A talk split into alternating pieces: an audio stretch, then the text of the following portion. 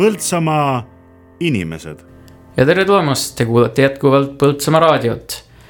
on alanud saade Põltsamaa inimesed, mina olen saatejuht Samuel Aksel Maikalu ja mul on väga hea meel täna siin tervitada Janne Karut. tere. Janne, sina oled siis eh, meil Põltsamaal kultuurikeskuse direktor. on see korrektne ametinimetus? No selline nimetus on määratud jah, ma rohkem pean ennast ikkagi kultuuritöötajaks. kuidas sul ja sinu perel jõulud möödusid? no jõulud möödusid meil ikka imehästi. sest ma arvan, et täpselt nii, nagu sa ise need plaanid, siis nii need välja kukuvad ka, et äh, ikka jõuluvanaga, pereseltsis. sai natukene ka tööl käidud, kahekümne viiendal detsembril oli meil ilus kontsert Põltsamaa kultuurikeskuses, Evelin Saamer-Rand. ja nii edasi. ja Johan Randvere. ja, ja siis äh, sai ikkagi nii-öelda surnuaiaring ära tehtud, nagu meil on päris pikk ring, sellepärast et äh, meil, mu abikaasa on pärit sealt Laiuse ja Torma poole pealt ja minu enda sugulased on Äksi kihelkonnaga seotud ja, ja siis lõpetame alati kursis, kus meil on ka siis mõned, mõned sugulased puhkamas. ja jõulud lõpetasime sõprade seltsis. oli selline meeleolukas ja tore, et me, meil on siin paar perekonda, kes on väga head sõbrad ja nendega koos me alati võtame hästi palju igasuguseid toredaid asju ette ja, ja traditsiooniliseks on siis saanud iga teine jõulupüha, siis oleme kellegi juures, käime kordamööda. jõuludest rääkides, siis äh, teie elate seal äh, selles majas, mida tuntakse vana RMK majana. ja teil on üks igavesti vahva selline tulede mäng sinna püsti pandud ja esimene kord sõitsin sealt mööda ja siis noh, alguses olin kuskil Facebookis pilti näinud ja, ja tead ikka päriselus vaadates see oli nagu veel vingem. ja ikkagi väga vahva, kõik põhjapõdrad ja kogu aed oli niimoodi ära kau-, kaunistatud ja. ja, ja ma tean, et mitmed inimesed kohe võtsidki, jalutasid eraldi sinna selle jaoks, et, et vaadata siis teie neid jõulukaunistusi, et nägite palju vaeva sellega või, või kus, kust teil selline mõte üldse tuli, et paneks siis selline. Teil seal naabreid ei ole läheduses, kellega võistelda no ega see vist selline võistluse eesmärgil tegemine ei olegi, et ja ma ei saa seda au endale võtta, et siin ma pean kahjuks vist ikkagi kaabud kergitama, ütlema, et see on ikkagi mu abikaasa töö.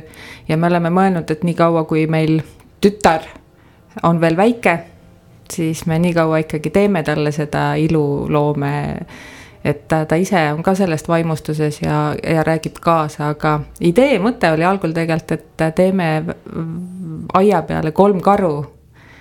ja aga kuna abikaasa läks nende tulede soetamisega nii, nii, nii ekstaasi, siis ta ostis neid päris palju meetreid rohkem ja siis ta mõtles, et ta teeb selle muinasloo sealt äh, lõpuni siis, et, et seal on nagu mitmed muinasjutud kokku saanud siis sellel aastal sedasi ja kuna minu jaoks on see jõuluaeg selline nagu rahuaeg ja enda sissevaatamise aeg ja.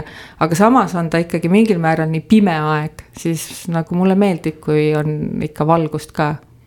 ja meie oleme mõelnud siis niimoodi ja naabreid meil varsti tulevad. varsti, varsti tuleb, tuleb päris palju neid sinna ja, ja, ja, aga meil ei ole selle vastu midagi. ehitus käib ja, ja siis nii on.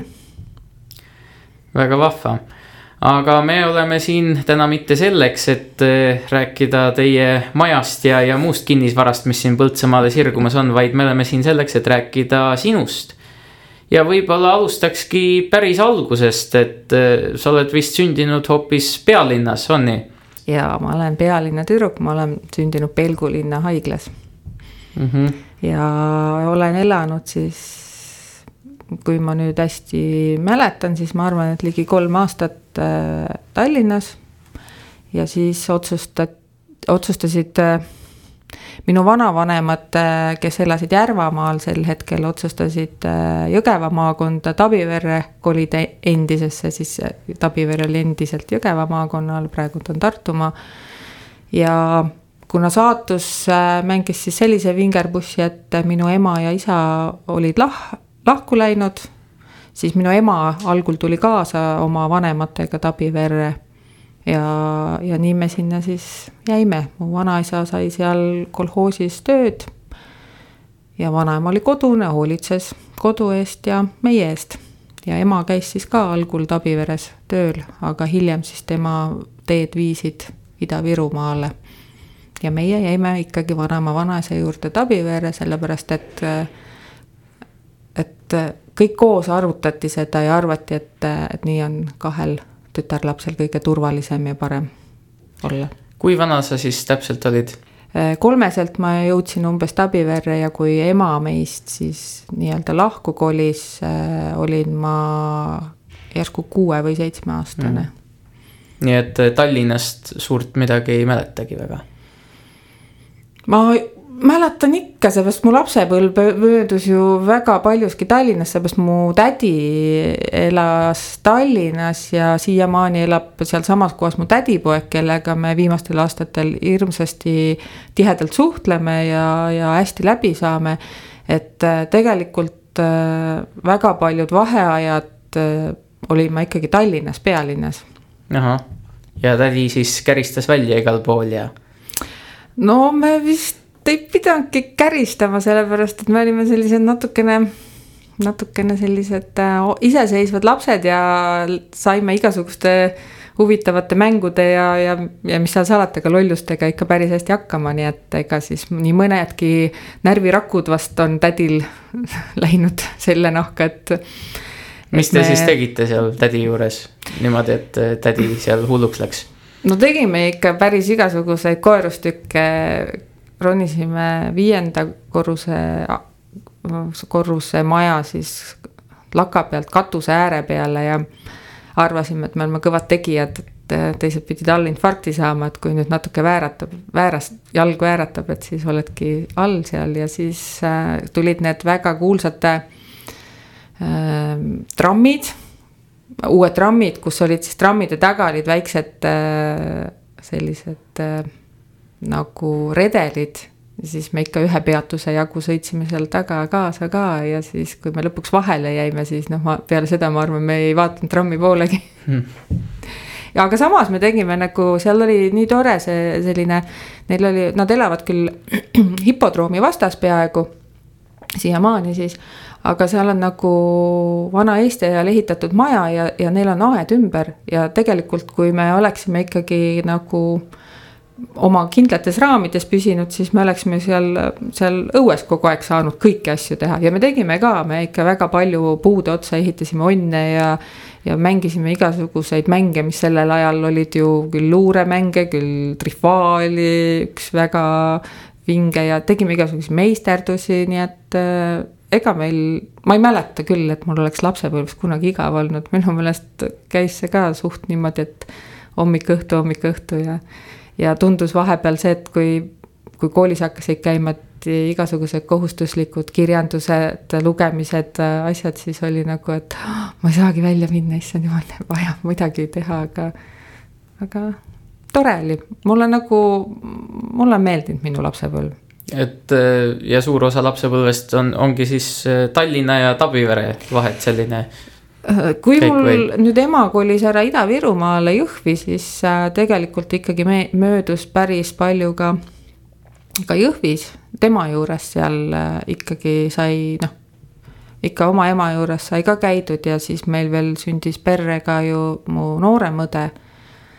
et sai teda hoitud ja, ja seal olid sellised, said uued sõbrad, tutvused, uued katsumused äh, ja sealt, äh, mis, mis mulle väga meeldis tegelikult, et sealt ma sain ka oma vene keele oskust lihvida, et, et seal ju kahekeelne seltskond oli kogu aeg koos, vene-eesti mängisime koos, tegime kõike koos ja, ja see oli ka üks tore aeg, et, et sai ja, ja kui ma päris väiksem olin, siis ka tegelikult ma käisin oma isa ema juures, kes siis tegelikult elas Jär-, Järva Madisel täitsa põhimõtteliselt nagu metsa sees. ja seal olid veel nagu mingid muud omad tegemised, et need metsateod, heinateod, neil olid loomad, loomapidamised. ma nägin esimest korda elus, ma arvan, ma olin järsku ka kuus või seitse, kuidas kana tapeti ja ta jooksis ringi veel, kui tal pead ei olnud ja see oli minu jaoks nagu, ma seisin ja ma mõtlesin, et see ei ole võimalik, et ma ei söö seda mitte kunagi aga ma ei tea, kui see supp valmis sai, siis oli vist meelest läinud, et ma ikkagi, ma olen ikkagi hea lihasööja ja. no kõht läks tühjaks lihtsalt. kõht vist läks tühjaks ja et ma, ma mäletan, mu vanaema ütles, et ma ikkagi esimene õhtu olin ikkagi piipsutanud, et ei, ma ei taha, et ma võtan seda leent ainult, aga.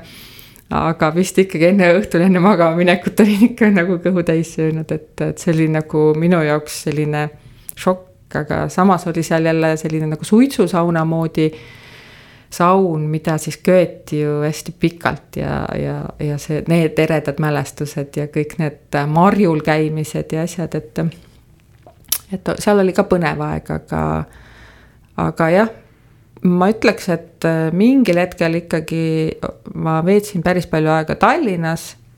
siis mingil hetkel, hetkel jäi see Tallinn nagu selja taha, olin ma seal Ida-Virumaal. aga noh, ma ei teagi, ma päris palju tegelikult meil on, on sugulased, on lätlased ka ja meil käisime ka Valga ja Valka vahet tegelikult äh, päris tihti ka, nii et äh,, et sai ikkagi käidud, ma ei saa öelda, et ma nagu isegi tänapäeval on ju mõni laps, kes on võib-olla teises-kolmandas klassis ja ta ütleb, et ta ei ole kunagi Tallinnas käinud, et. et mul need uksed olid nagu avatud ikkagi, et sain päris palju igal pool käia ja olla aga kooliteed sa siis alustasid äh, Tabiveres ikka jah? jaa, Tabiveres. ja ma... seal käisid äh, kogu siis põhikooli? ja ka keskkooli. ja ka keskkooli jah? tahtsin peale põhikooli minna, seepärast et äh, põhikooli viimases klassis surigi mu vanaema.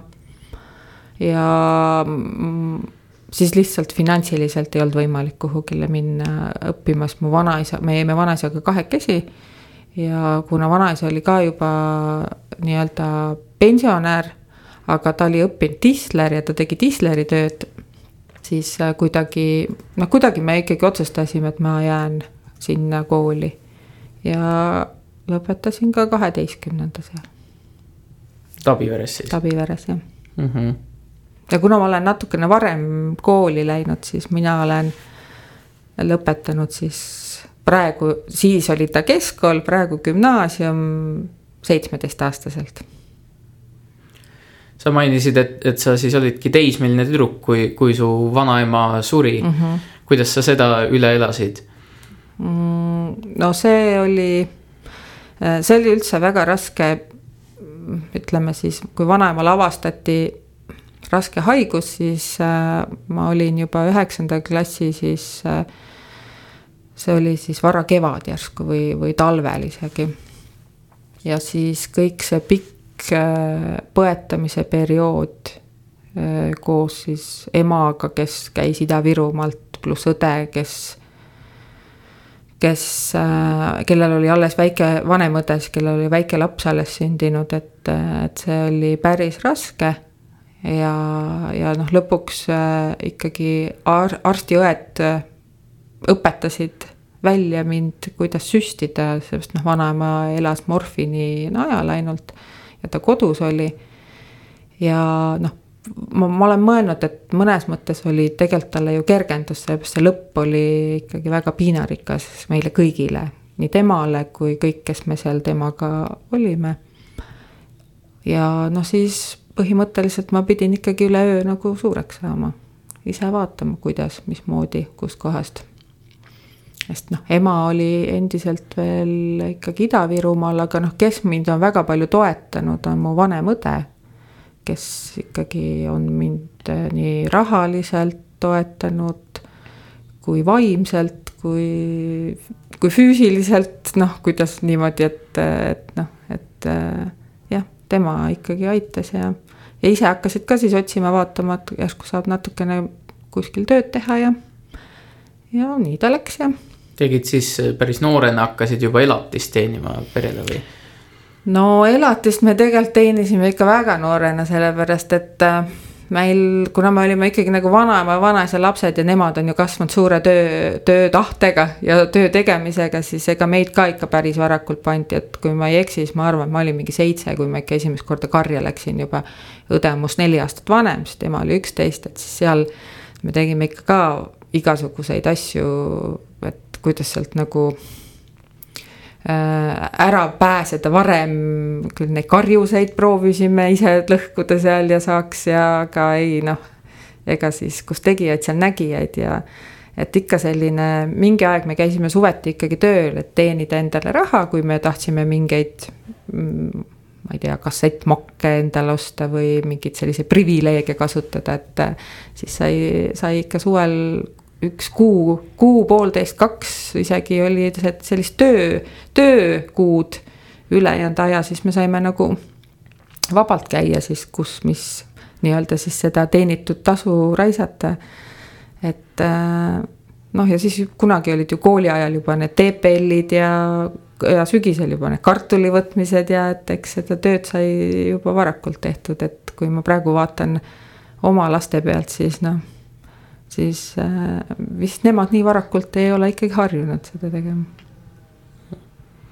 no näed, sa ei räägigi niimoodi, et, et kogu aeg oli raske töö ainult, aga et töö, et vile käis ka ikka seal, seal kõrvale jaa, ikka, ikka ja minu meelest on, äh, me alles üks päev meenutasime, ma ei mäletagi, kas õega või siis tädipojaga neid meeletuid pidusid, mis meil kodus olid, siis meil oli päris palju muusikuid, nii-öelda muusikasõpru siis äh, sugu, suguvõsas, et kes mängis akordionit, kes klahvpille, kes tinistas kitarri ja siis äh, kõik, kuna meil Tabiveres oli selline suur korter, siis kõik kuidagi said sinna kokku ja, ja peod siis toimusid seal ja need peo ettevalmistused hakkasid ju paar päeva ennem juba ja kõik need söögi tegemised ja see oli kõik nii lõbusad ja siis meil oli see oli nagu nii tore aeg, seepärast et, et kõik sugulased tulid, mu vanaema, õed, vennad tulid, siis kõik alati ju mingeid kingitusi või mingeid selliseid asju ja siis oli lastel rohkem vabamat aega, et.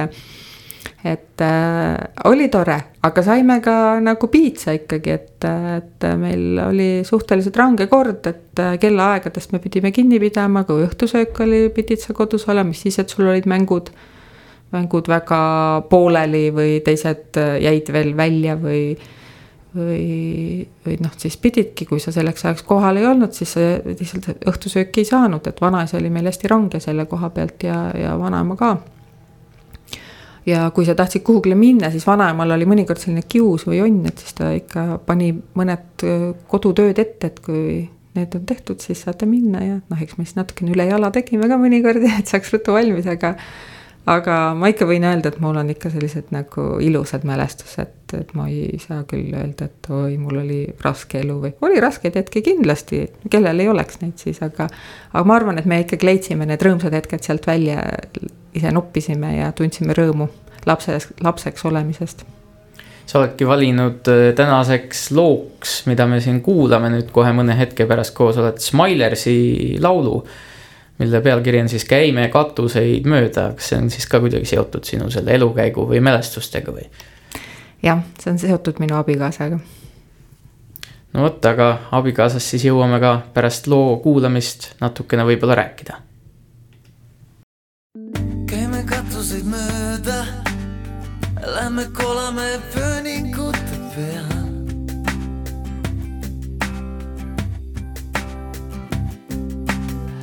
Nad ei tea, mida mõelda. Need, kes pole iial käinud seal.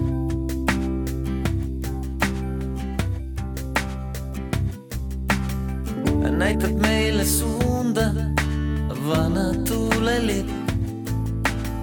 siia üles kuulda ei ole midagi.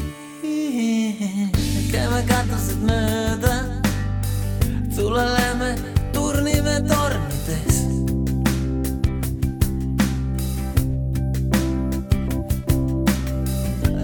katsume pilvi, lähme värvime taeva siniseks.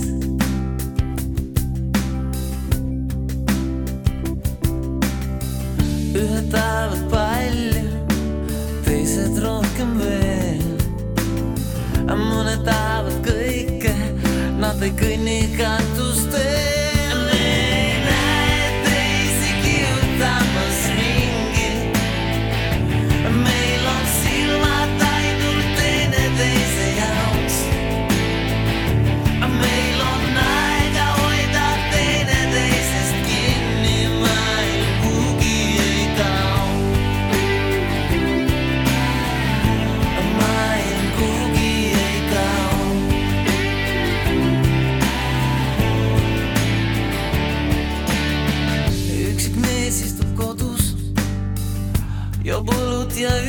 üksinda kurvastab.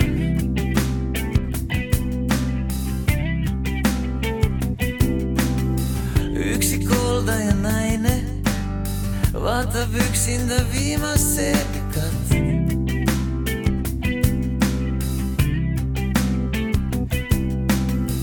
klaasist akende taga ja neid on rohkem veel. Nad on üksinda kodus, nad ei kõnni katustel.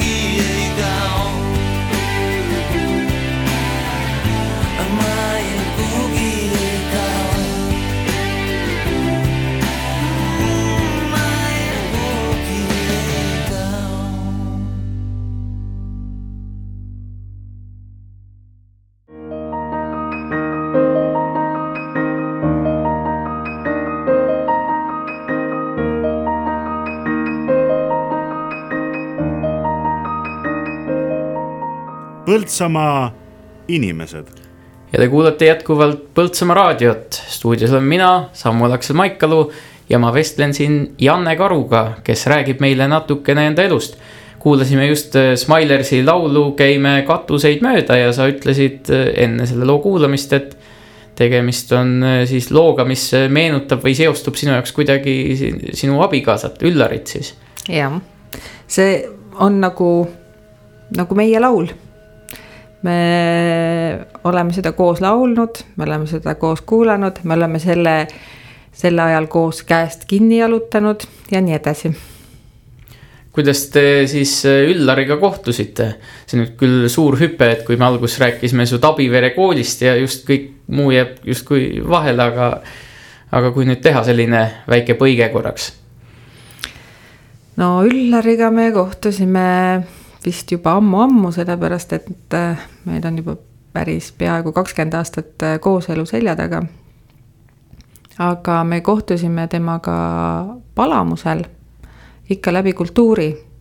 sest et noh, ega Üllar ise on ka ju natukene hingest ja peast ja olekust kultuuriinimene. no kui ta nende tuledega seal niimoodi ikka pusida viitsib, nagu sa ütlesid, siis küllap vist jah. ja, ja no ma ei tea, minu jaoks vist oli see hetk see, et, et kui sa nagu omale elu või elukaaslast siis valid kogu eluks, siis peab selline tunne tekkima, et see on see, see on see minu inimene nagu.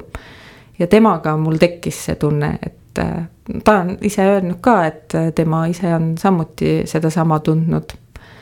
ja, ja vahel mulle tundub, et, äh, mis tundub, vaid ma ise nagu tean, et et küll on hea see tunne, et kui sa vaatad kakskümmend aastat hiljem veel seda inimest ja sul ikka selline süda hakkab põksuma nagu ja pulss läheb kiiremaks ja siis mõtled, et oled ikka õnnelik inimene küll.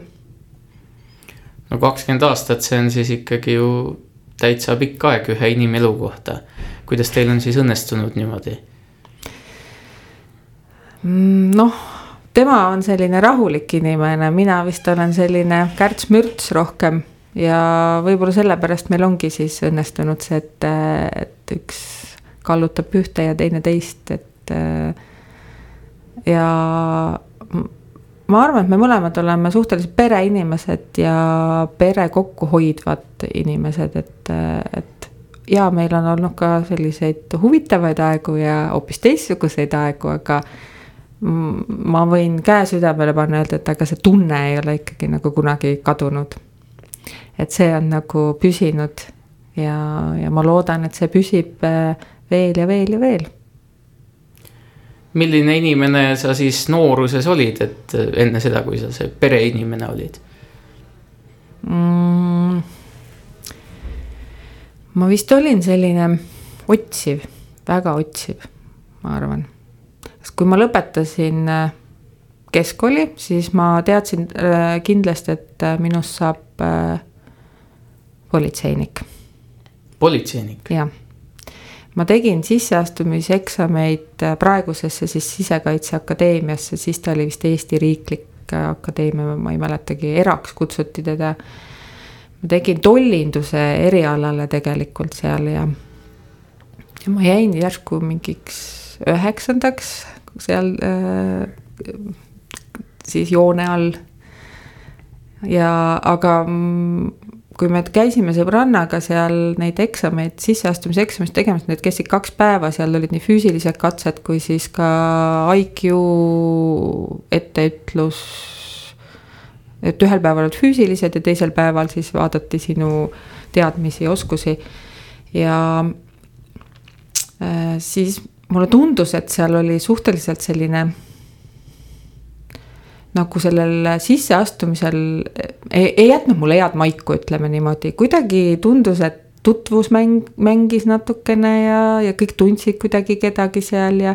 ja, ja noh äh,, ma mäletan, kui ma hakkasin selleks treenima, siis äh,, siis ma ikkagi üks poolteist, kaks kuud tegin ikka kõvasti, käisin jooksmas äh, ma tean, et mul on käed äh, eluaeg sellised nõrgad olnud, kuigi ma olen mänginud äh, rah-, äh, korvpalli ja võrkpalli. ja võrkpallis mul ongi see servimine alati selline suht kehva olnud et siis ma proovisin hakata kätekõverdusi tegema, seal oli noh, kätekõverdusi pidi ka tegema ja kõhulihased, noh, neid ma olen kogu aeg, eluaeg proovinud hoida niimoodi stabiilselt, et see ei olnud minu jaoks takistus või raskus. aga just ma teadsin, et need kätekõverdused võivad mind alt vedada ja muidugi vedasid ka. aga ma ei olnud isegi vist sellest nagu kurb, noh, algul oli ikka pettumus, me tulime sealt ära ja kuigi me, kui me ei oleks nii Äh, nii ruttu mingeid otsuseid teinud seal, siis tegelikult arvatavasti me oleks sinna sisse saanud ikkagi, sest mul sõbranna oli vist kolmas joone all ja mina olin üheksas, ma mäletan. et äh, sealt eespoolt äh, päris mitmed tegid mitmele erialale ja, ja, ja siis kukkusid või noh, läksid eest ära nagu. et kes valis millegi, aga kuidagi see, see suhtumine meie maalaste tüdrukutele ei sobinud seal ja, ja me tulime ära ja siis ma proovisin Nõmme politseikooli, aga seal mulle nagu ei meeldinud ja siis, siis, siis lihtsalt oligi niimoodi, et kuna mind oli õpetatud niimoodi, et kodu istuma ei jää. ja õppida on mulle meeldinud, siis ma mõtlesin, et ma ühe aasta käin siis Luua kõrgemas metsakoolis õpet-, õpin metsanduslikku raamatupidamist. mis see siis endast kujutas see... nagu raamatupidamine ikka, aga ja, lihtsalt. aga metsa osa said. seal on siis nii palju erialast mm -hmm. värki, et. ja said ka tegelikult natuke maastikukujundust ja ka siis aia, aia pidamist nii-öelda ja, ja aga noh, nagu see vist minu puhul on, et algul mõtlen, et teen natukene, siis lõpetasin ära ja, ja siis äh, sain oma esimese lapse, kes tänaseks juba on kohe-kohe varsti kahekümne nelja aastane, noorelt saadud. üldse absoluutselt ei ole kordagi elus kahetsenud. algul võib-olla lõi kõvasti pahviks, aga, aga mm, kui inimesele antakse, siis tuleb vastu võtta ja, ja noh, eks ma noore tüdrukuna esimene mõte võib-olla oli ikkagi, et nüüd on elu läbi ja mis siis saab ja, ja olid võib-olla teised mõtted peas, aga, aga saatus mängis niimoodi, et praegu on mul ikkagi täiskasvanud poeg. ja,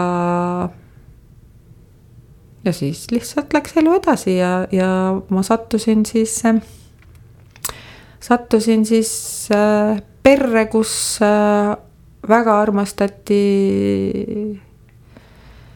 kultuuri ja sealt siis minu tee algus saigi Palamuse kandist sealt, et äh, kõigepealt ma ikkagi alustasin Rahvaülikoolis tööd, Palamuse Rahvaülikoolis, siis koos Aarne Tegelmanniga me siis koolitasime täiskasvanud inimesi. ma olin projektijuht seal sealt siis said alguse ka nii-öelda minu projekti kirjutamised. siis edasi juba läks äh, Jõgeva maavalitsus ja, ja nii kuni ma lõpuks siia jõudsin. ma olen naernud alati, et ma vist alustasin valest, valet pidi, et, et kõigepealt oleks pidanud hakkama juuretasandilt tegema, et küla, külaseltsi tasandilt ja siis oleks võib-olla Rahvamajja läinud ja siis äh, võib-olla kultuurikeskusesse ja siis nii-öelda maavalitsusse, aga. aga minul läks niipidi ja, ja ma tundsin seal, tegin ametniku tööd, olen kaks korda elus ametnik olnud. ja tundsin, et see ei ole nagu mu vaimule ei anna see nagu midagi, kuigi ma arvan, et ma ikkagi paberites olen suhteliselt tugev paberitöös, aga, aga jäi midagi vajaka ja siis ma lihtsalt hakkasin otsima ja siis ma läksin või kandideerisin Voorele, kus avati siis äh, täiesti uus äh, Voo, äh, Voore aktiviseerimiskeskus on, ta kannab praegu nime. nüüd vist on ta likvideeritud, aga see oli selline keskus, kes tegeles siis töö, pikaajaliste töötutega ja sotsiaalne projekt oli ja siis sinna juurde loodi ka siis nagu Voore-poolsele rahvale siis äh, kultuuri, kultuurijuhi koht, ma olin huvijuht nagu seal. Ja tänu sellele, et seal oli selline asutus nagu aktiviseerimiskeskus ja, ja sinna alla kuulusid siis tolleaegsest kolmeteistkümnest omavalitsusest järsku kaheksa või üheksa Jõgevamaa omavalitsust, siis sealt ka päris selline suur tutvusringkond nagu maakonnas on mul et ma päris paljusid inimesi ikkagi tean ja tunnen ja, ja noh, ma loodan, et ma ise olen ka kellelegi silma jäänud. Ja seal ma siis töötasin ka kuni siis kahe tuhande kümnenda aasta augustini. et äh, nii-öelda sai seal tehtud nii ehitusprojekte kui arendusprojekte kui kultuuriprojekte kui sündmusi meil oli selline hästi tore koosseis seal, kes, kes olid nagu kolm noort inimest, kes tegelesid projektide ja eestvedamisega ja lisa, lisand, lõpuks lisandus veel noortejuht ja ja kuidagi soodustas see aeg selliseid asju, et, et hästi, hästi toredad ja eredad mälestused on sellest ajast ka nagu. nagu ikka elu hakkab, siis hakkas üks ära minema ja teine ja ja, ja lõpuks ma tundsin ka, et, et et, see ei ole enam see koht. et, et nagu ma ei näinud seal arengut sel hetkel. Ja ma tundsin, et ma tahan nagu, nagu kuhugile edasi liikuda. sest minu unistus oli alati, et ma saaksin töötada majas, kus on lava et ma töötasin, seal ei olnud lava ja, ja kui ma käisin teistes majades, siis, siis mulle nagu väga meeldis kultuurimajad, rahvamajad, keskused, külamajad, kus oli lava. sest me tegime päris mitmeid äh, ka teatriprojekte ja, ja siis me käisime alati Voore põhikoolis lava peal neid tegemas ja siis noh, ikka vaata lähed teise majja ja oma majas oleks ka ikkagi käe-jala ulatuses ja, ja kuidagi. mu unistus oli töötada kultuurimajas, kus on lava ja, ja, ja siis... nüüd see unistus on siis täitunud? jah, nüüd on täitsa suur lava, et see unistus on täitunud, aga noh, Põltsamaale ma ju tulin ikkagi, ma kandideerisin tegelikult tolleaegsesse linnavalitsuse hariduskultuuri nõuniku ametikohale.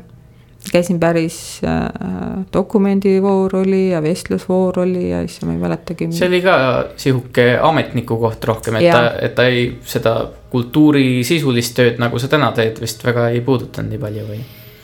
No ma arvan, et ma olin siin ikkagi hariduse poole pealt suhteliselt nõrk ametnik, et ma ikkagi olin kallutatud sinna kultuuri poolele, kuigi ma ütlen, et kõik, mis oli vaja, sai tehtud, kõik paberid. Äh, ma ju tulin sellisel ajal, kui põhikooli ja gümnaasiumi seaduses olid just muudatused ja kõik põhikirjad, igasugused muud dokumendid oli vaja kohe kiiresti teha, et see oli päris raske aeg, et ega tihtipeale linnavalitsuses olin viimane ametnik koos äh, siis äh, koristajaga, et siis hõikasin, et ära ennem ära mine, et kui ma nüüd ka lõpetan ja läksid koju ja poetasid paar pisarat ja mõtlesid, et ma ei tea, nii raske on ja kuidas ma saan hakkama, aga, aga ma ikkagi veel tulen jälle, näed selle pere juurde tagasi, kui sul ikkagi peres nagu kõik hästi on, siis minu meelest on kõik eluraskused nagu ületatavad, et kui sul on toetus olemas ja keegi ikkagi patsutab sulle õla peale, ütleb, et kuule. rahune nüüd maha, sa saad ju hakkama, mõtle nüüd hästi rahule, mine puhka, hommikul vaatad selge peaga. ja no nii läkski see on jah huvitav, et kui me siin tänapäeval niimoodi inimesega tutvust teeme, siis me alati küsime esimese asjana küsime, et äh, mis tööd ta teeb, et selle järgi defineerime seda inimesest mm, -hmm. et paneme kohe mingi pildi paika, aga. nagu sa ütlesid, et kõik algab perest, et võiks ju siis hoopis küsida selle inimese noh, et. kas sa oled abielus ja mitu last sul on ja kuidas sul on mm, -hmm, no miks just. mitte, eks. jah, jah, nii ta on. no ja siis oligi ja siis ma teadsin, et ma tulen siia Põltsamaale ju kaheks aastaks, sellepärast et mul oli asenduskoht. endine nõunik oli siis lapsehoolduspuhkusel. ja mina ei tea, noh, ma, ma ikka naersin, et äh, kuna endine äh, nõunik sai kaksikut, siis ma ikka ütlesin, ma läksin sinna kohale, siis ma desinfitseerisin kohe selle, sellele tooli ära, et jumala eest ei, aga näed, läks niimoodi, et äh, läksin ka mina sealt lapsehoolduspuhkusele. et äh, ma ei tea, õnneks või kahjuks äh, küll üks laps, aga, aga kuidagi siis oli järelikult see, ma ei tea, kas soodustas või, või ma ei oskagi öelda, sellepärast et. et see lapse saamise rada on pikk olnud ja, ja, ja ju siis oli, ta valis meid ikkagi õigel ajal ja ta tuli meie perre ja oma tööelus oledki valinudki kirjeldada lauluga Tsirkus, mida laulab siis Fix, et seda saab kahte moodi tõlgendada, kas siis teie töö seisneb selles, et te teete teistele tsirkust niimoodi heas mõttes või sa ütled, et kogu see seltskond ja pundar on üks suur tsirkus seal? nii ja naa, aga ma valisin selle laulu võib-olla ka sellepärast, et äh, see on nagu meie Jõgeva maakonna hümn, kui me kusagil käime et siis me kuulame seda, kui meil on need omad suvepäevad ja kokkusaamised, siis see on alati tellitud lugu, et tsirkus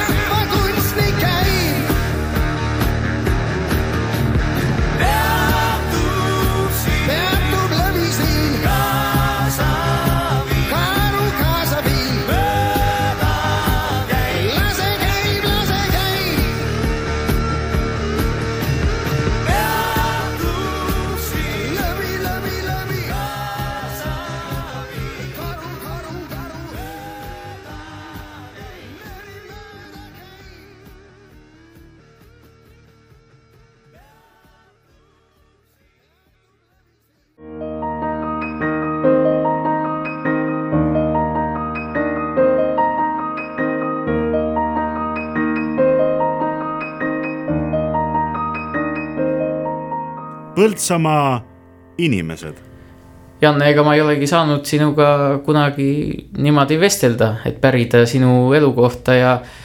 ja selle jaoks ma ka siis natukene spikerdasin ja Voorema nimelt aastal kaks tuhat kümme, kui sa siia Põltsamaale tulid, oli teinud sinuga ühe vahva artikli. ja selle artikkel juba kannab sellist pealkirja, et Janne Karu tahaks siduda oma elu Põltsamaaga pikemaks ajaks ja no näed, nüüd ongi niimoodi läinud miks sa siis äh, sellist asja juba siis tahtsid? no vot, nagu ma eelnevalt ütlesin, et siis tegelikult ju tulin ma siia ikkagi ju eesmärgiga kaheks aastaks olla ja jääda.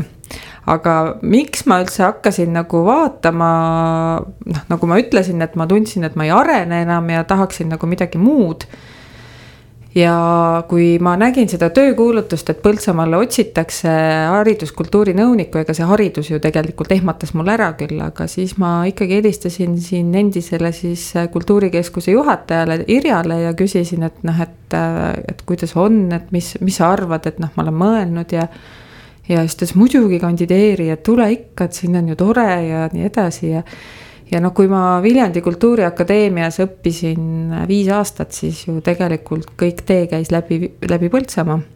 ja ma tegin väga tihti siin selliseid äh, just tulles, koolist tulles, tagasi tulles peatusi.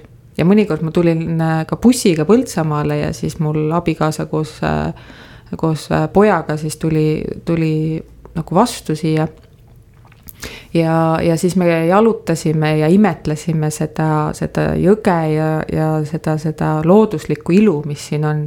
ja see tegelikult oli väga lummav meie mõlema jaoks ja me kuidagi kunagi, kui me unistasime ka, et kus me siis võiksime päriselt oma kodu rajada, et noh, tema on nagu Laiuselt, mina Tabiverest, et.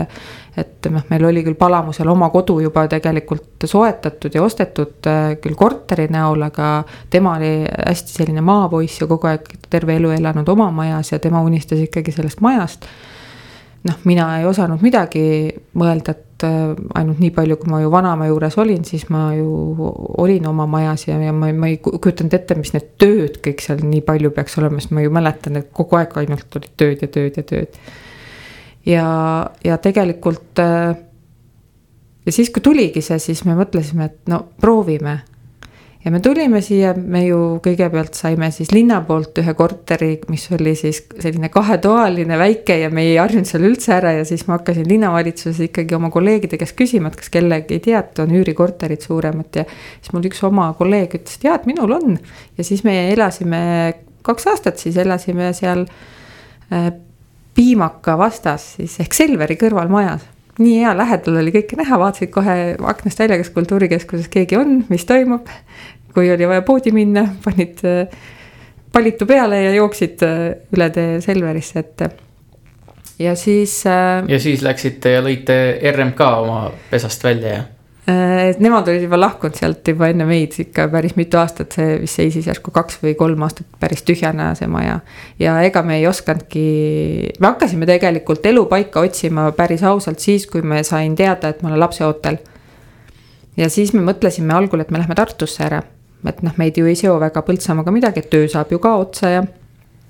aga ma ei tea, meie, meie südamed olid võitnud ikkagi Põltsamaa, sellepärast et kui ma vaatan, siin on kõik käe-jala ulatuses olemas, mis eluks vajalik on, absoluutselt kõik. Ja kui on perre väike laps tulemas, siis äh, noh, see turvalisus juba, mis siin on, et sa ju julged õhtul pimedas tulla, ega mis sinuga juhtub siis, et tuleb inimene vastu, sa teretad lihtsalt ja, ja ongi ja, ja kuidagi kuidagi see, et, et noh, mõnes mõttes on see väike kogukond ju väga tore, et kõik tunnevad kõiki ja, ja ongi ja, ja, ja tegelikult noh, sa ei saagi seda võrrelda suure linna tuledega, et et noh, mõnes mõttes mul jälle mõni sõber ütleb, kes Tallinnas on ja ütleb kogu aeg, tule ära sealt, et, et ütleb, et et kus sa saad elada, et kõik tunnevad kõiki ja nii edasi, jah, privaatsust võib-olla natukene vähem, aga, aga selleks mul ongi oma kodu ju, kus ma olen äh, privaatselt ja, ja seal ma võtangi vastu neid inimesi ju, keda ma tahan seal näha, et. ja aga see, see maja lugu oli tegelikult üldse niimoodi, et siis hakkasimegi otsima ja käisime ikkagi juba Tartus vaatamas ja Põltsamaal vaatamas ja, ja lõpuks, kui me ikkagi otsustasime, et ei, et selleks kohaks jääb Põltsamaa, siis. siis äh, oli väga nukker see seis tegelikult, ega siin väga palju ei olnudki. Et ühte maja me käisime veel vaatamas ja kindel oli see, et, et kui me soetame, siis me soetame maja. meil on korter Palamusel olemas, me rohkem äh, nagu kortereid ei soeta. ja ja kuidagi linnavalitsusest tuli juttu ja siis endine ehitusspetsialist äh, ütles, et äh, miks sa seda RMK maja ära ei osta. ma saan nalja teed, vaata, mis, kui suur see on ja mis maksab, on ju, et ja jutud juba käisid, et kunagi ilgelt noh, neli miljonit krooni ja. ma ütlesin, kuule, kus me võtame seda, et ei ole nagu. ei, ei, et kuule, et RMK teeb neid mingeid äh, pak-, oksjoneid ja pakkumisi, pimepakkumisi nagu, et ja allhind on selline, noh, ma läksin siis mehele, läksin koju, rääkisin mehele. No siis hakkasime vaikselt kiikama seda ikkagi. ja noh, vaata, kui sa, kui sa ostad kellegi teise kodu või, või, või sa ostad endale, aga see on kellegi teise oma olnud ennem. ja kui sa sinna sisse lähed, siis sul peab mingi tunne tekkima. ilma tundeta sa ei saa seda lihtsalt. noh, see, see ei ole see ja, ja vot nendes eelnevates, kus ma käisin, absoluutselt nagu mingit tunnet mul ei tekkinud. Ühes majas mul tekkis küll, aga see käis meil üle jõu lihtsalt, see, selle eest taheti väga palju raha saada ja, ja meil ei olnud võimalik seda soetada. ja siis me hakkasime ikkagi seal selle RMK kontori juures käima ja siis me võtsime ühendust selle RMK siis piirkonna juhiga ja uurisime ja siis ta ütles, et jaa, et üks oksjon on läbi ja pakkumisi ei tulda, aga umbes kahe kuu pärast tuleb uus, et noh, jälgige ja ma võin teile teada anda ja nii edasi ja siis me küsisime ka, et mis see allhind on ja see oli sobiv meile. siis me juba hakkasime vaikselt noh, nagu ikka tänapäeval käib, pangaga läbirääkimisi pidama, et kas on üldse võimalik meil ja nii edasi ja eks me ise olime ka, et me oleme need, kes koguvad ikka äh, nii-öelda ei ole sellised järelmaksu inimesed, vaid äh, kogu, pigem äh, hoiame madalat profiili, kogume ja siis ostame, et, et selliseid äh, nagu, nagu selliseid järelmakse me ei ole kunagi armas, armastanud. ja siis ka vaatasime oma finantsid üle, kuidas ja mismoodi ja kes kust nagu sai veel abi paluda, toetust. ja, ja kellel siis, kes mida aitas ja, ja siis tuligi see hetk, kui oli see, see pakkumiste hetk ja siis ma nägin võib-olla esimest korda, eh, et inimestel on kadedust. et siis mulle tulid nagu päris mitmed, et ah, kui me teeme ka pakkumise, ma ütlesin, aga tehke, et teil on ju võimalus, et ega siis. et noh, oligi, et pakkumise raha vist seda mingi sissemaksuraha tagasi ei saa, aga, aga noh, sa ju saad. noh, me, see oli vist, ma ei, isegi ei mäleta, mis see väga suur summa ei olnud, et noh, me olime arvestanud sellega, et kui me ei saa, siis ja siis oli see pakkumised ja siis me muudkui ootasime, ootasime, ootasime, ootasime ja, ja siis järsku järgmisel päeval mul abikaasa helistas ja ütles, et noh, naine, oled majaks valmis või? et me olime võitnud selle siis nii-öelda tegelikult mitte ühtegi rohkem pakkumist ei olnudki. aga kuna mul nagu abikaasa tahtis hirmsasti, siis talle meeldis see koht, kus see on ja, ja, ja kuidagi, kui me seal sees käisime, siis noh. ja loomulikult on kontor, kuigi mul ehitus sõbrad ütlevad, kes ehitusel tegelevad, et see ikka päris kontoriks küll ehitatud ei ole, et noh, kes ehitab kontorisse saunad ja asjad sisse, et nagu, et, et noh. ja, ja siis sõpradega hakkasime siis noh, tegime, siis olid need igasugused paberid ja, ja siis hakkasime, saime maja võtmed kätte ja siis hakkasime toimetama seal. ja tänaseks me oleme siis üheksa aastat seal elanud juba. jah, mul on jah, minu teise lapse kodu on, temal ongi ainult üks kodu olnud ja see on tema kodu olnud kogu aeg sünnist saadik. sest oli kiire juba, et äh, oktoobris oli lapsel sünniaeg ja me saime kätte, esimene juuni me kolisime sisse nii-öelda. põhimõtteliselt oli ta nii hästi hoitud, et äh, ega kui sa ei oleks tahtnud seal midagi muuta, siis noh, sa said ju kohe elama hakata, lihtsalt korista ära.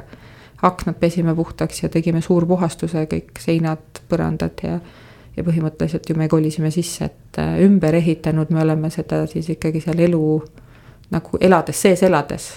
kõik need aiad ja, ja seal ei olnud küttesüsteemi ja, ja see kõik see noh, maa on seal täidetud, et see kõik see mullavedu ja, ja kõik see on noh, see on ikka enamus mul abikaasa tehtud, et ta ta on kuidagi, ta on mul selline huvitav inimene, et ta nagu ütleb, et ah, mis ma lähen teisi segama ja teistel omad tegemised ja toimetamised ja teen ise ja, ja ta on nagu selline isetegija. see võtab küll vahel, mõni asi võtab hirmsasti aega, sellepärast et kõike muid asju on ju vaja ka teha ja, ja vahepeal on ju siis naine ja laps, kes ütlevad suvel, et lähme nüüd ujuma ja lähme käime seal ära ja seal on kontsert ja seal on etendus ja meil on vaja sinna minna ja ja, ja kuidagi noh, esimene aasta oli meil, tütar oli väike ka ja siis mina ei saanud nii palju teha. Lapsega oli vaja ikkagi selline rohkem aega veeta ja olla.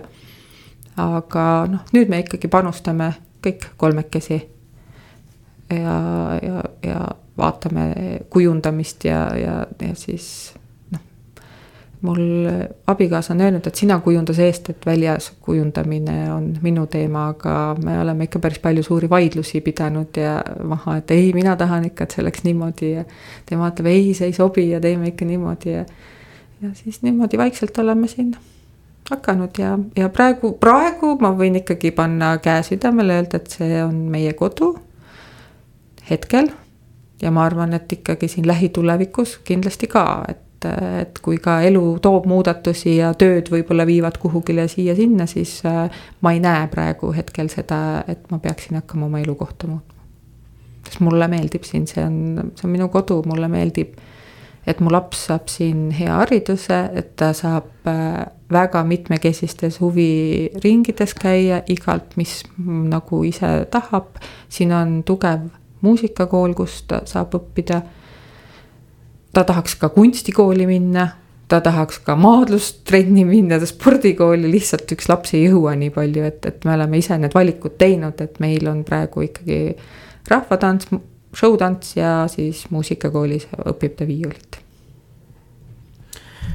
Kaasaegses maailmas äh, kipuvad järjest rohkem niimoodi olema, et inimesed näevad kodu siis äh, mitte siis mingisuguses kindlas kohas vaid eh, teistes inimestes, noh, eks see on selle tulemus, et, et enamus inimesi elab suurtes linnades koos ja see koht ongi kõik üks ja sama ja siis otsitakse pigem mingit kogukonda, aga ma sinu jutust loen välja, et sul on see koht eriline, sa räägid sellest enda kodust, eks ole. siis eh, sa rääkisid, et kui te siia tulite, siis te jalutasite, vaatasite jõge ja loodust.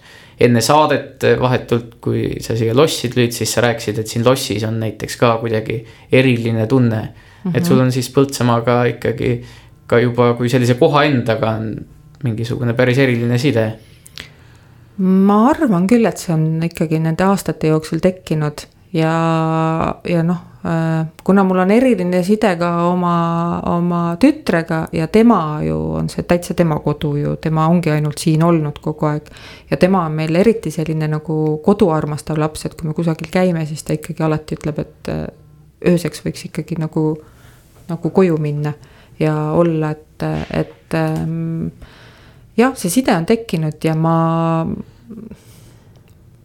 käin, mul ju õed mõlemad elavad Soomes ja paljud sugulased ei tea, kus välismaal ja. ja on mu poeg on ju üldse Šveitsis juba kaks pool aastat äh, on Euroopa turneel, käib mööda Euroopa linnasid ja ja, ja meil on ju nii-öelda kasutütar ju ka üks Moldova tüdruk veel võetud kunagi meie perre ja, ja me suhtleme temaga siiamaani ja me käime ju noh, päris palju oleme ikkagi mööda maailma käinud siin Ameerikad ja, ja muud Euroopa riigid läbi ja, ja ma ei tahaks vist kusagil mujal elada kui Eestis ja ma kindlasti ei tahaks elada Tallinnas. minu jaoks on ka võib-olla ütleme, Tartu see on, võib-olla ma võiksin seal elada nagu. no Viljandi on veel koht, kus ma tegelikult tunneksin ennast nagu hästi, aga, aga hetkel ikkagi siin ja praegu on see Põltsamaa, mis, mis on minu kodu ja, ja ma, ma näen oma elukohta siin. aga kuu-. Janne, aitäh sulle, et sa saatesse tulid väga tore oli sinuga vestelda siinsamas lossimüüride vahel. ja sa mainisid ka korduvalt oma tütart Elizabethi ja kuulamegi selle saate lõpetuseks tema lemmikloo. mis lugu see on? see on ansambel Groove ja Tüdruk pika kleidiga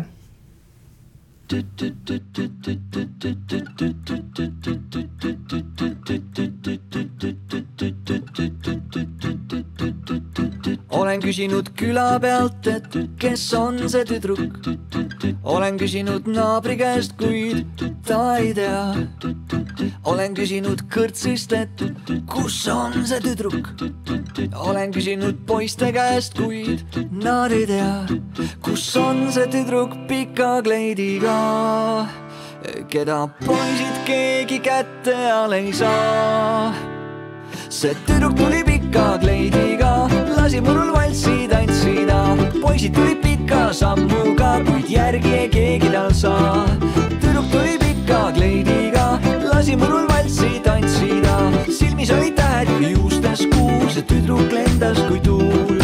tüdruk lendas kui tuul, tüdruk lendas kui tuul, tüdruk lendas kui tuul, lendas kui tuul olen küsinud vete pealt, et kes on see tüdruk.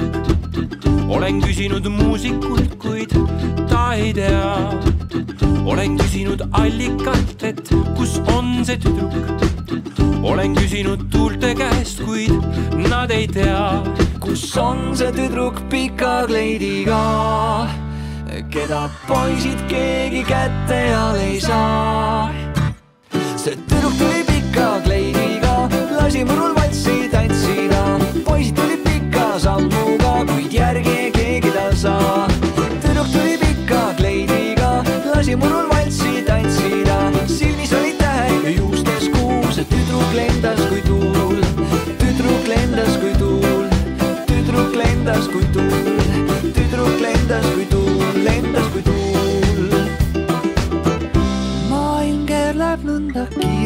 peame sellega koos kaasa liikuma.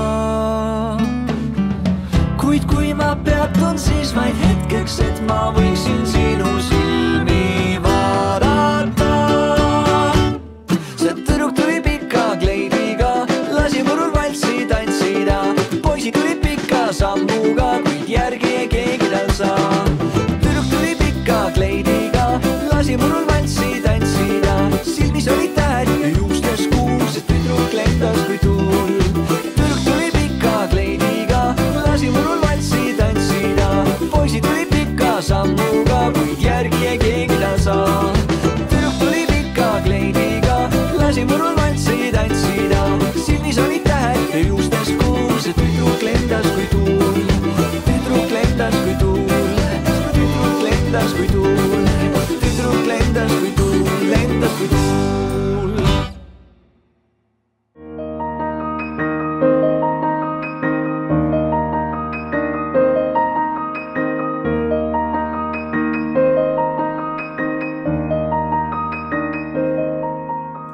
Põltsamaa inimesed